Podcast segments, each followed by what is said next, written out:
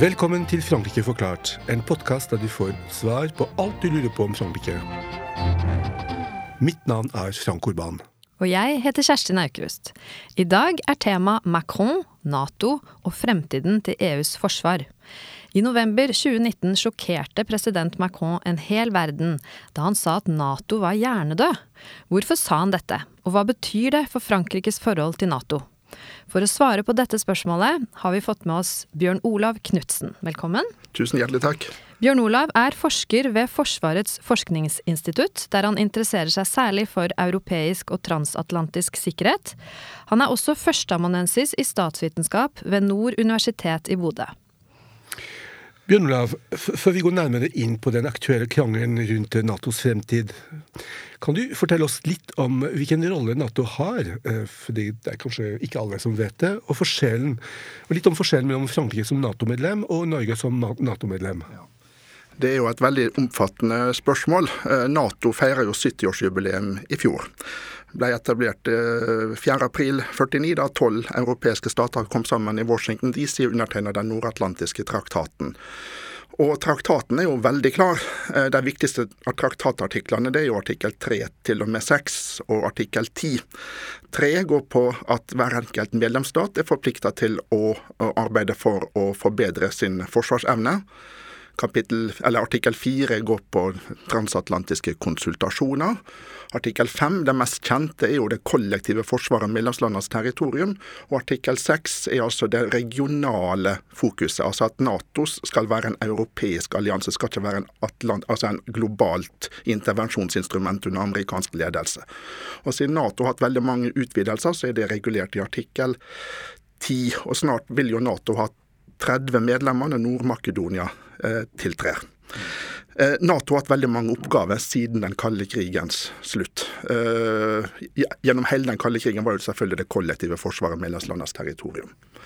Det er, det er, de gamle utsagnene om at ett angrep mot én er et angrep mot alle? Ja, det er helt riktig. Altså, det er musketereden. Én for alle, alle for én. ikke sant? Og Det er jo det som har vært basisen i Nato. Men i mange år, og spesielt etter 11.9.2001, så ble jo Nato mer en sånn global allianse. Og I faglitteraturen og sånne ting så var det flere, bl.a. Ivo Dolder, som senere ble amerikansk Nato-ambassadør, som snakket om at kanskje Nato må utvides til å bli, inkludere vestlige land på andre sida av jordkloden, som New Zealand og Australia og Sør-Afrika og Brasil og Sør-Korea og Japan. Altså en global allianse. Fordi at det var, da var det fokus at det var kamp mot internasjonal terrorisme. Det var Afghanistan, 130 000 soldater fra Nato i Afghanistan. Og man glemte litt det Nato egentlig var etablert for å være, nemlig en kollektiv forsvarsallianse. Og så kom august 2008 som snudde opp ned på veldig mye. Georgia-Russland-konflikten. Den lille krigen som starta omtrent samme dag som OL i Beijing starta, 8.8.2008. Og I løpet av veldig kort tid så snudde diskursen seg voldsomt. Nå var det plutselig på vei full fart tilbake til kollektive forsvaret. Eh, Norge var veldig på. Eh, måneden etter, i september 2008, så lanserte Norge det såkalte nærområdeinitiativet i Nato. At eh, NATO, er veldig bra. Nato skal Det er viktig med internasjonale operasjoner, men man kan ikke glemme det som er kjernen. Nemlig at Nato ble etablert for å være en kollektiv forsvarsallianse. Så Daværende statssekretær Espen Barth Eide snakker nå om nå er det viktig å gjenopptage den nordatlantiske traktaten. Men hvis vi går tilbake til det at både Norge og Frankrike er jo medlemmer i samme allianse. Ja. Eh, de, jo, de, har jo lik stilling, på en måte, men de er samtidig litt forskjellige. Forskjell? Hvis, du, hvis du skulle fortelle litt om forskjellen mellom Norge og Frankrike som Nato-medlemmer, hva er forskjellen mellom dem? Altså, Vi kan begynne med likheten. Likheten er bra. Det, likheten er at begge land fokuserer på artikkel 5. at Nato primært skal være en artikkel 5-allianse, eh, kollektive forsvar av medlemslandenes territorium. Så, så, Frankrike har vært skeptisk til at Nato skal bli en sånn globalt intervensjonsinstrument under amerikansk ledelse. Store forskjellen er at Norge er et svært atlantisk orientert land. Som Gro Brundtland i sin tid sa, vi er orientert mot Atlanterhavet, mot våre allierte og på andre sida, altså i USA og Storbritannia. Men Frankrike har stått for det, det europeiske alternativet.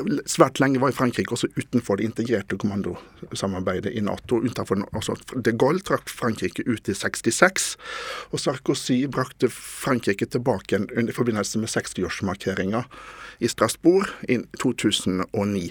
Her snakker du om tidligere franske presidenter, ikke sant? Charles ja. de Gaulle og Nicolas Sarkozy. Absolutt. Helt, helt riktig, mm. og uh, det stemmer. Så, så Frankrike har stått for en linje i Nato, europeisk sikkerhet, der Europa, dvs. Si EU, under fransk ledelse vil utvikle en kompetanse på det sikkerhets- og forsvarspolitiske området som skal være autonomt i forhold til Nato, men likevel i allianse med USA. Det er viktig, den tosidige, altså dualismen her. Autonomi versus allianse. Og i det intervjuet som ble publisert i, som dere nevnte, mm.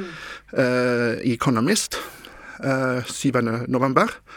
Så uh, i fjor så understrekes også Macron akkurat det samme, denne dualismen. På den ene sida at det er viktig at, at, at Europa utvikler en autonom evne til forsvar, samtidig å være i allianse med med, med, USA. Så man vil ikke hive barn ut med badevannet, for å si det sånn. Ikke sant.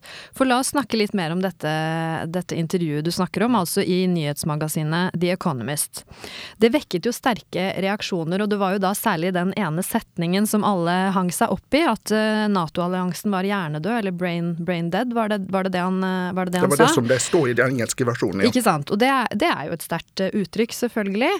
men det har kanskje blitt, blitt misforstått. Kan du si litt mer, forklare litt mer om hva Macron mente med det, og hva som var konteksten for intervjuet? Ja, Konteksten for intervjuet altså han var jo veldig dramatisk i, i, sin, i sin, omtale. Eh, fordi at han mente jo også i tillegg til at Nato var jernløs, så sto vi også på kanten av stupet. Ja. Uh, og Det er nokså dramatisk. Og, det, og Intervjuet er basert på en tale som Macron holdt til franske ambassadører litt, uh, litt før.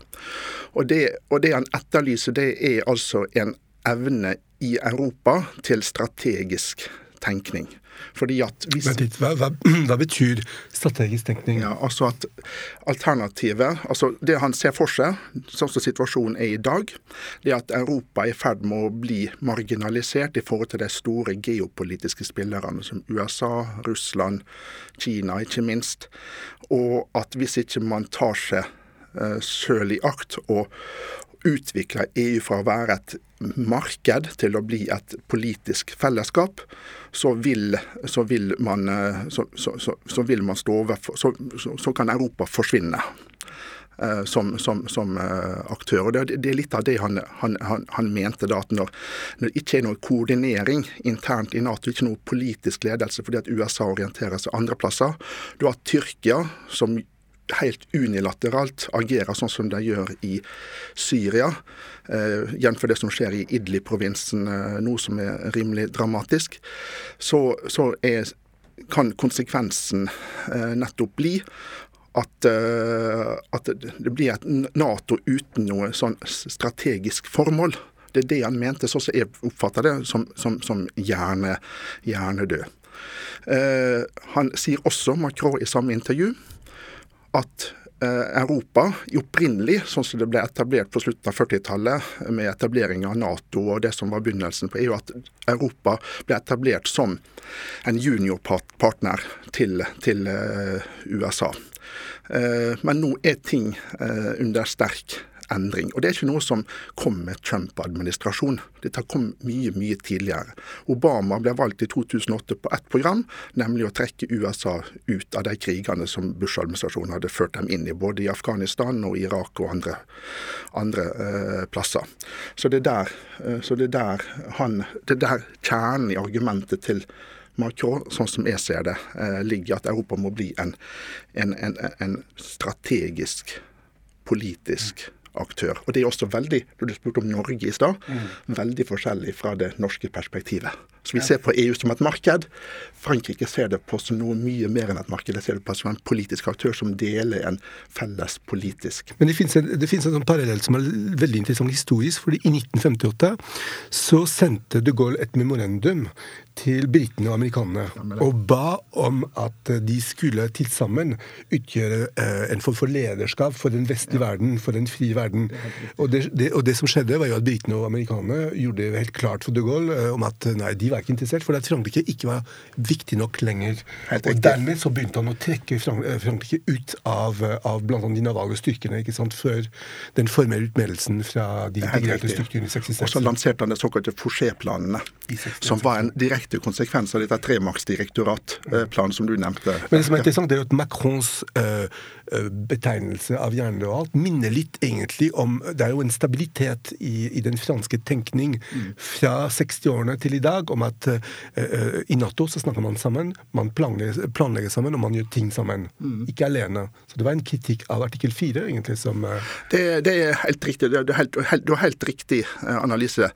Altså, han klarer ikke i, Han er veldig klar på det intervjuet i Economist, han klarer ikke på, på den militære interoperabiliteten. Mm. I NATO. Hva er det for noe? Altså det at, at, at, styr, at Nato har en kommandostruktur der man samarbeider om å gjennomføre militære operasjoner. Mm. Det er sånn dag til dag. Men altså det er det politiske, på, det, på det politiske nivået. Mm.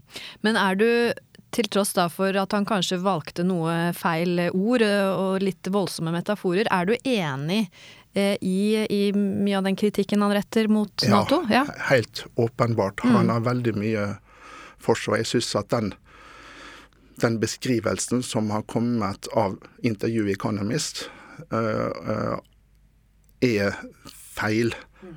Sånn som vi forstår det i Norge, men også i andre europeiske andre europeiske eh, land. Jeg syns at reaksjonen har vært overdrevet, fordi at han mener at Europa må bli en politisk aktør, og at EU er noe langt mer enn et, eh, enn et marked. Altså, Uh, sånn som vi bl.a. ser det i Norge. Også når det gjelder Norge, et viktig poeng som jeg nesten må få lov til å ta opp her, det er at 8.10 i år så lanserte altså, kom forsvarssjefen med sitt fagmilitære råd. Eh, som altså skal danne grunnlaget for innretning av forsvars, norsk forsvarsstruktur i åra som kommer. Hvis du leser det fagmilitære rådet, så nevnes ikke EU med ett eneste ord. Samtidig som man understreker at Norge og det europeiske allierte må ta et større ansvar for egen sikkerhet. Det er et veldig stort paradoks, eh, mener er det. fordi at hvis Europa skal ta et større ansvar for egen sikkerhet, så kan det bare skje innenfor ramma av EU.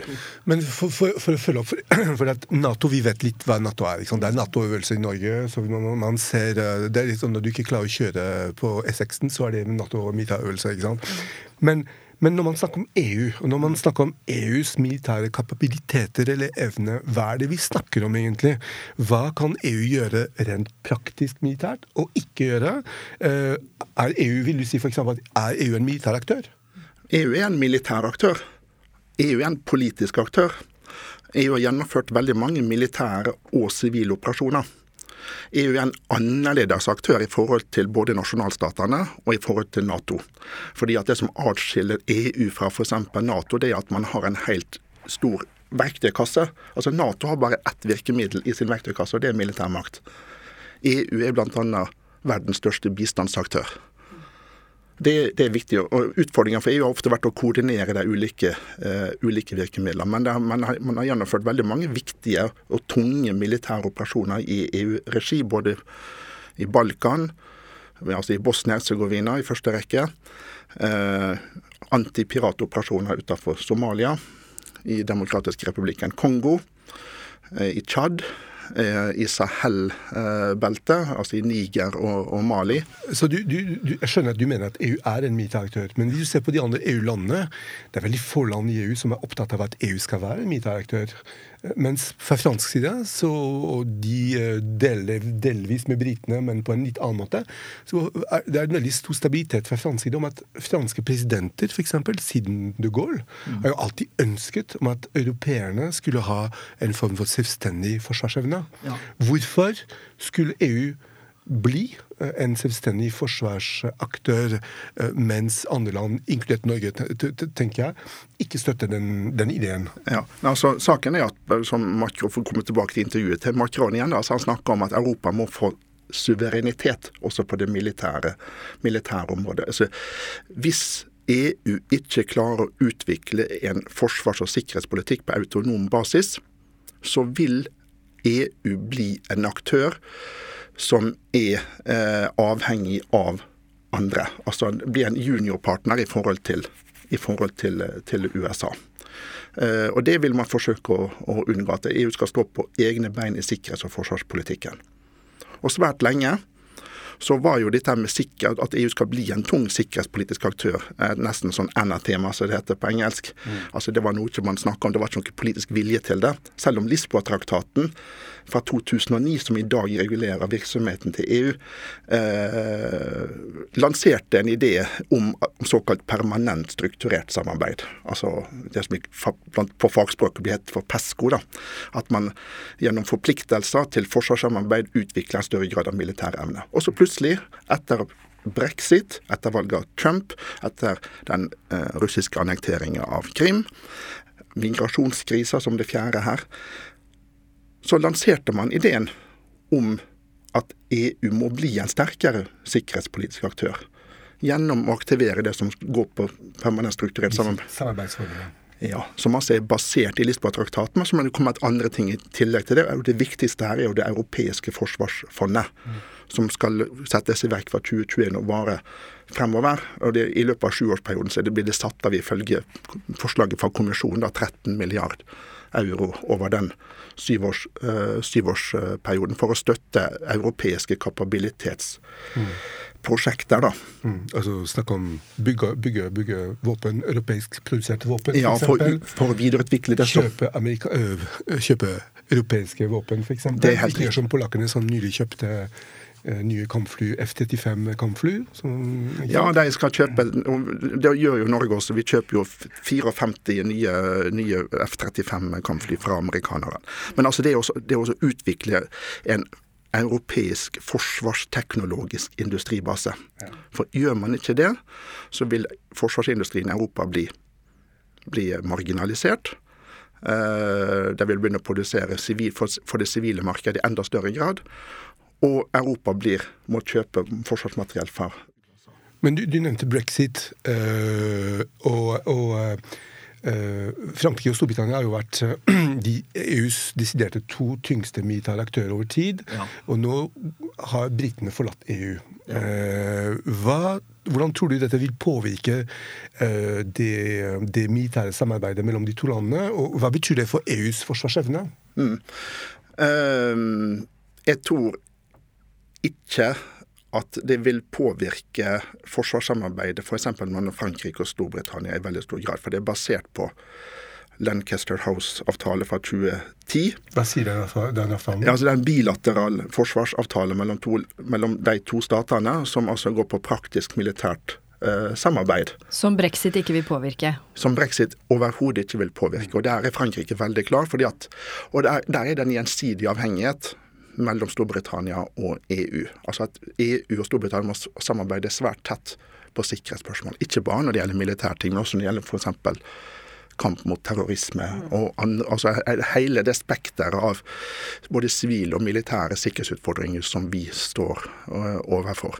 Der må Frankrike og Storbritannia uh, samarbeide, og der er det en gjensidig avhengighet. og Der, der, har Macron vært veldig klar på bl.a. den talen han holdt for noen dager tilbake siden Eh, og Boris Johnson, britiske statsministeren, har sagt mye av, mye av, det samme. Så jeg er ikke så veldig pessimistisk akkurat når det gjelder uh, samarbeidet over kanalen da, mellom Storbritannia og resten av, av EU på, på, på det området. Du nevnte en ny tale som ja. Eh, Macron eh, har hatt. Altså han, han eh, Man lytter når han, når han, snakker. Fordi det er jo et faktum at etter brexit så blir Frankrike den eneste atommakten igjen i EU. Og han varslet altså Macron i denne talen du viser til, at uh, nå er det på tide med atomopprustning. Europa kan ikke ta til takke med å være tilskuer til et fremtidig våpenkappløp.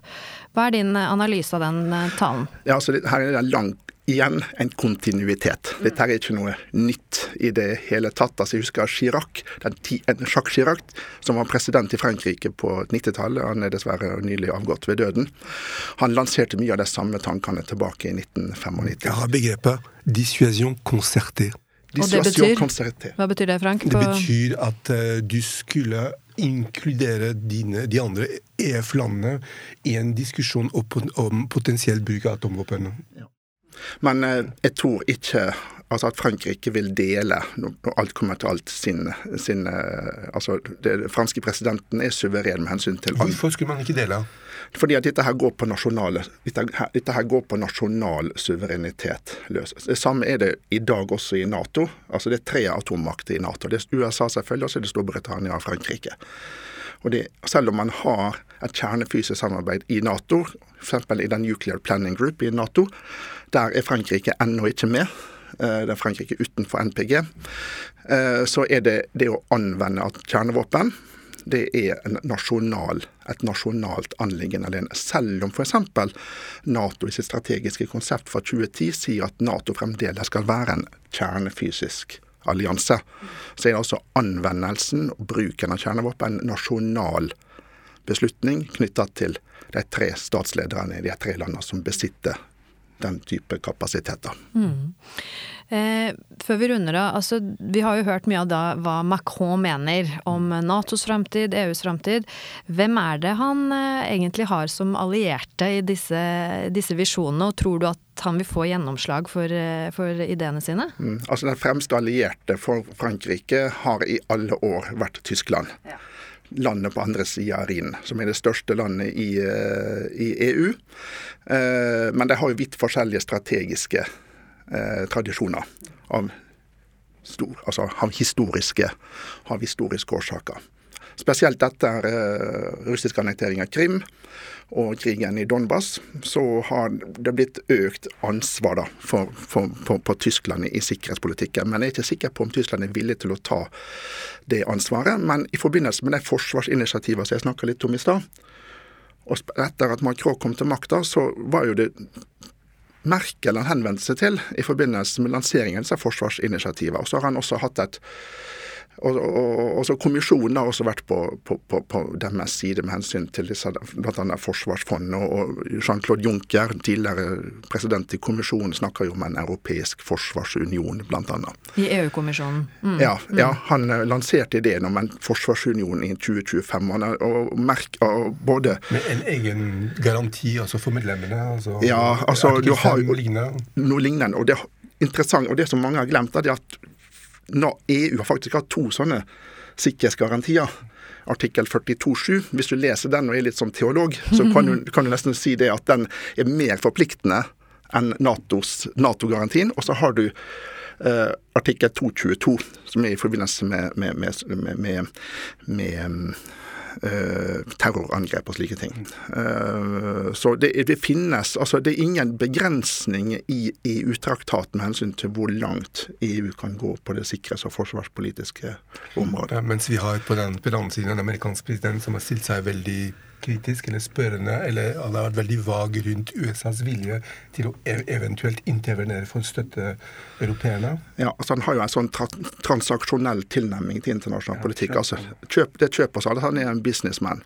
Og Det står jo i diametralt motsetning til den europeiske multilaterale tradisjonen av at man skal ha et multilateralt system der, eh, basert på en idé om kollektiv sikkerhet. Da, for det er jo det man har hatt i Europa i etterkrigstida, at man står sammen om om eh, sikkerhet og, og, samarbeid. Og der er Nato er jo en del av et sånt europeisk eh, sikkerhetskompleks basert på ideen om kollektivt, kollektiv sikkerhet da, i Europa.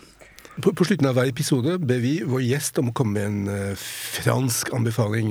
Det kan være en bok, det kan være en film, en podkast, det kan være hva som helst, egentlig. Hva er din anbefaling til våre lyttere?